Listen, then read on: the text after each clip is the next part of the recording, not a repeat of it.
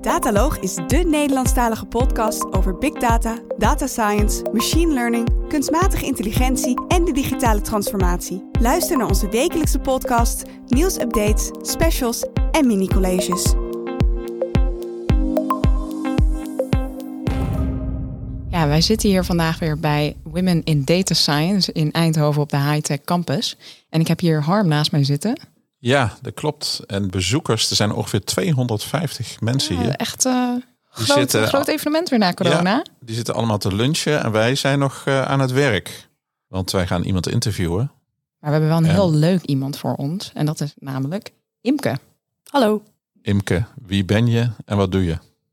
Ja, Imke de Jong. Ik werk bij Philips, nu ongeveer vier jaar. Ik heb een achtergrond als biome- biomedical engineer hier in Eindhoven. Dus ik ben hier eh, in mijn thuisbasis. Bij Philips eh, ben ik begonnen als clinical data scientist.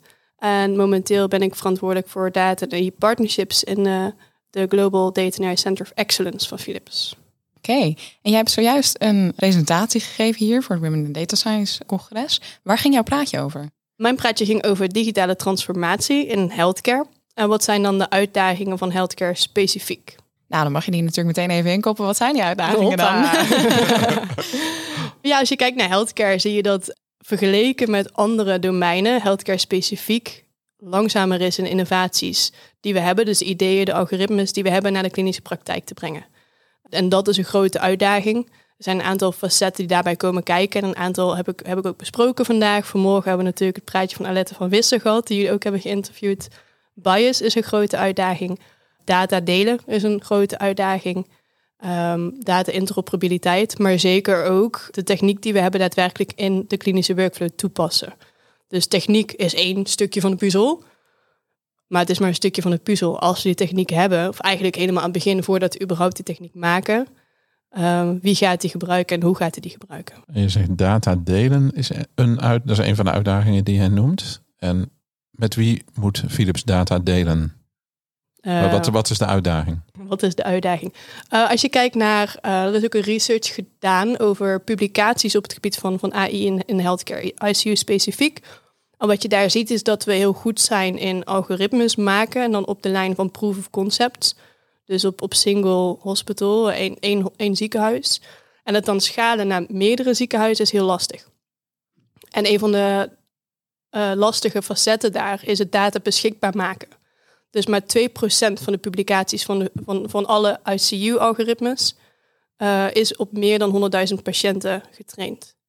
Dus momenteel is dat een hele grote uitdaging. Nou, privacy is daar een van de redenen van natuurlijk. We hebben heel veel verschillende, ja, op een globale schaal, heel veel verschillende privacywetgevingen, maar ook standaardisatie van data. Dus dat als je data er bij de ene bron ophaalt, hoe kun je dat dan vergelijken met de andere bron? Is dat dan hetzelfde omschreven? Ja, Volgens mij, we hadden eerder een uitzending met Nictis. Ik weet niet of dat jou iets zegt, maar er is zo'n standaard Snowmat. Klopt dat? Ja. Nou, dan is mijn eh, spontane vraag, wat doen jullie daarmee? Gebruiken jullie die codering? Jazeker. En dat is natuurlijk ook weer de wereld van standaarden. En een standaard is alleen maar standaard als meerdere mensen die gebruiken. Dus dan kom je ook bij het volgende punt. Hoe kun je dan die uitdagingen oplossen? Door samen te werken. Dus samen te werken en na te denken over wat kan een goede standaard zijn. Want als iedereen zijn eigen standaard ontwikkelt, is het nog steeds geen standaard. Uh, maar ook als je kijkt naar uh, regulatie en, en uh, hoe gaan we dan met data om. Als iedereen dat op zijn eigen manier doet, kom je ook niet veel verder. Dus dat is inderdaad ook als je kijkt naar mijn werk, hoe kunnen we daarin samenwerken, allemaal dezelfde standaarden gebruiken, wie heb je daarvoor nodig? En wat is dan de rol van Philips daarin? Want jullie, de ziekenhuizen zijn eigenlijk jullie klanten, zou je kunnen zeggen. Brengt Philips de ziekenhuizen bij elkaar? Hoe, hoe, hoe moet ik dat zien? Als je kijkt naar de standaarden, heeft Philips natuurlijk ook apparatuur wat data ontwikkeld, of data uh, maakt. En ook die data die Philips dan maakt, moeten dezelfde standaard zijn als die iedereen kan lezen. Dus dat is een van de rollen van Philips. Door die standaardisering al bij, de, uh, bij meten van de data er al in te zetten, daardoor hoeven zij al één stap minder te doen, omdat Philips eigenlijk die stap al voor ze heeft gezet. Kan ik het zo zeggen? Ja, ja en, en hè, dan is het ook handig als alle andere mensen in het ecosysteem of, of, of bedrijven in het ecosysteem ook dezelfde standaard gebruiken. Want als Philips één standaard heeft, ja. dan is het nog steeds geen standaard. Nee, dan wordt het een standaard in de jungle van standaarden. Precies. Wat zie jij hierin als het grootste obstakel? Want ik kan me voorstellen dat het heel lastig is om al die neuzen dezelfde kant op te krijgen. Als je dan waarschijnlijk heb je academische partijen erbij, andere bedrijven in ja, industrie en dan jullie ook nog ertussen. Hoe krijg je iedereen zeg maar, dezelfde richting op? Dat, dat, dat we allemaal met hetzelfde standaard gaan werken. Ik moet eerlijk zijn, ik ben geen expert op standaarden. Dus leuk dat we hierover hebben, maar ik ben niet per se de expert. Maar ik denk wel dat op dit moment in healthcare en AI-land uh, op het moment zijn dat iedereen de behoefte ziet. Dus ik denk dat dat het startpunt is. Dat we allemaal de behoefte zien dat het mogelijk is. Zeker als je kijkt naar het stuk bias en het stuk data delen. Om de bias ook te voorkomen. Je ziet steeds meer publicaties van, van zowel bedrijven, van academische instituten en, en, en klinische partijen. Dat dit nodig is. Dus ik denk dat dat het startpunt is. En dan krijg je de neus dezelfde kant op. En wat zie jij als het belangrijkste van AI binnen healthcare? Wat, wat zie jij als daar echt de, de kans waarom we hier iets mee moeten? Goeie vraag. Als je kijkt naar healthcare, zitten we momenteel in een moeilijk, moeilijk pakket. Dus healthcare heeft een aantal uitdagingen, steeds meer patiënten, steeds moeilijker patiënten ook, met een moeilijker ziektepatroon. Daarnaast zie je dat er steeds minder healthcare uh, providers zijn, of uh, verpleegkundigen. Ik denk nog een beetje in het Engels, want ik praat dat in het Engels. dus je hebt steeds, meer, uh, steeds minder verpleegkundigen, steeds minder klinici. En de kosten van de zorg worden steeds, steeds meer. Dus dat is voor healthcare heel lastig natuurlijk. En aan de andere kant zie je ook dat de data groeit. Dus een onderzoek heeft uitgewezen dat vanaf 2025 elk jaar data van healthcare met 36% groeit. Dus je zou Zo. zeggen, hey, 1 en 1 is 2. Maar toch zie je dat er wel uitdagingen zijn. Alleen data aan zich is niet de oplossing.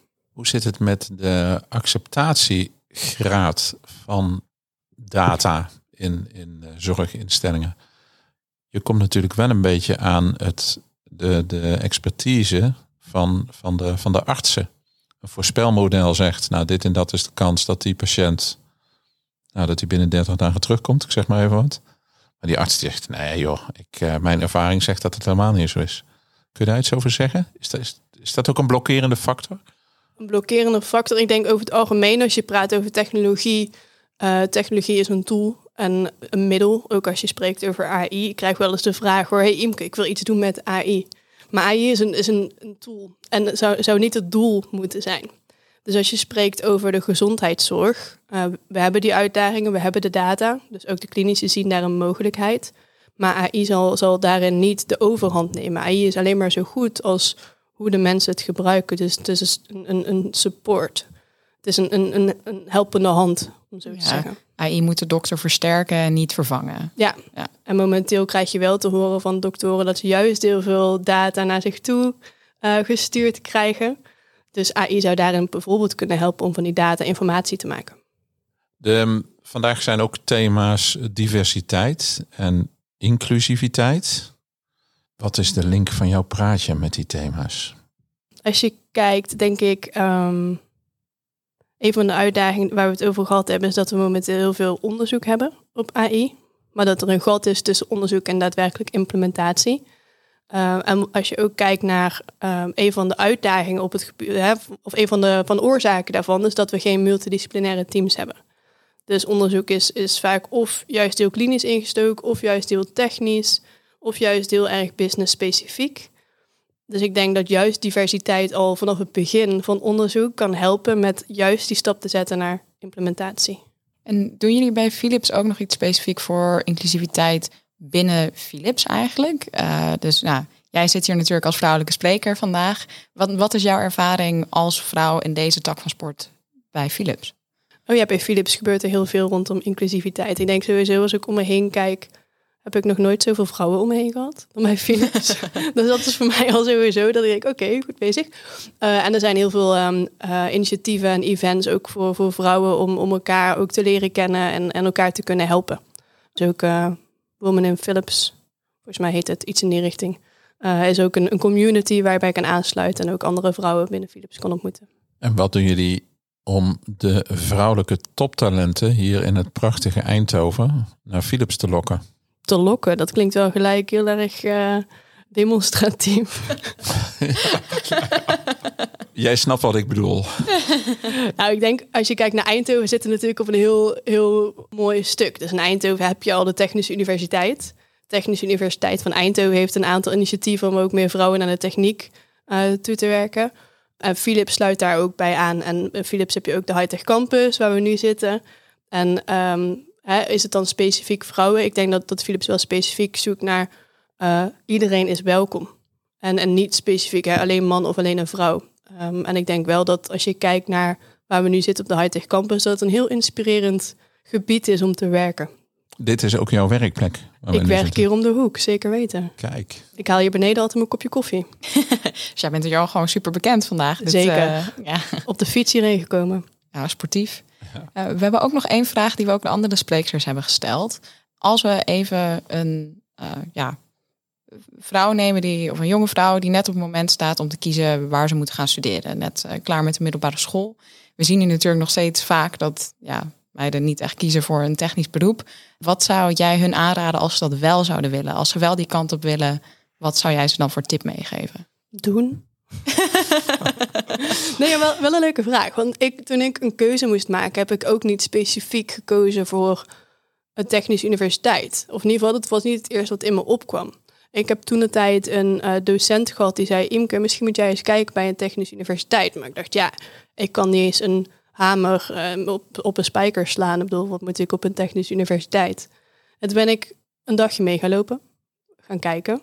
En toen kwam ik er juist achter dat, dat techniek niet is wat we allemaal denken in de technieklessen van, van het hardware van de hamer op een spijker.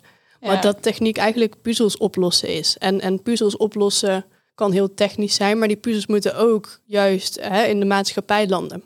En zeker in de wereld waar we nu leven, waar techniek steeds meer ook in ons dagelijks leven is, denk ik dat het een heel mooi, mooi vakgebied is. Ja, dus ga zeker. gewoon proeven. Ja, techniek zit natuurlijk gewoon overal omheen. Het is niet alleen maar die vieze overal buiten staan met de hamer in je hand, maar dat kan ook uh, achter een laptop voor data science. Ja. Heb je dat inmiddels wel geleerd trouwens, de hamer en de spijker? Of is dat niet aan bod gekomen tijdens je studie?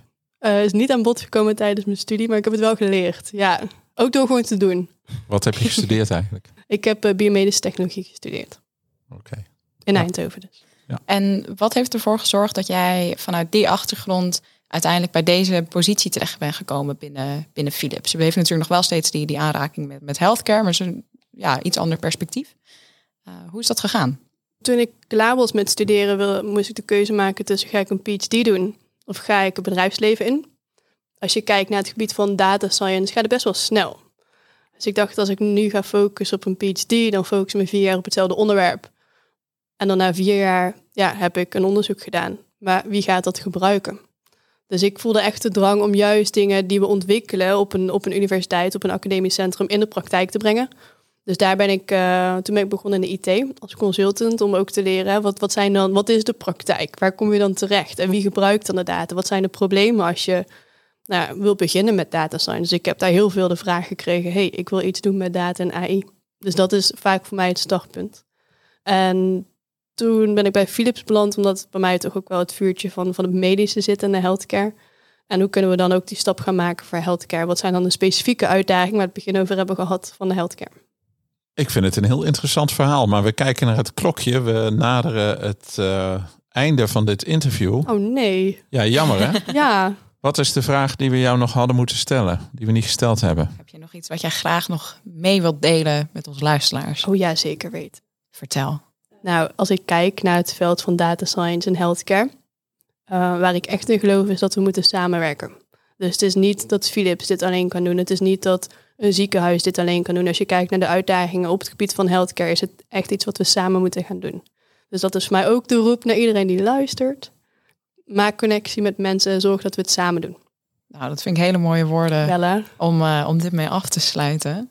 Dankjewel, Imke. Ja, het is een bijzonder leuk interview. Jammer dat het maar een kwartiertje was. Maar wel een goed benut kwartiertje. Dat Zo hoop ik. Dankjewel. Dankjewel. Bedankt voor het luisteren naar deze uitzending van de Dataloog. Vond je onze podcast leuk, goed, interessant of wellicht te veel ene en nullen? Laat een review achter of geef thumbs up. Heb je vragen of opmerkingen? Kijk dan ook eens op www.dedataloog.nl. Hier staan ook de show notes van alle uitzendingen. Je vindt onze nieuwe uitzendingen wekelijks op iTunes, Stitcher, Spotify en alle andere bekende podcastplatforms. Alles wat wij maken doen we onder Creative Commons. Je mag alles hergebruiken voor niet-commerciële doeleinden, zolang je ons als bron maar noemt. Volg ons op Twitter op @dedataloog. Graag tot de volgende keer. En voor nu, tot data!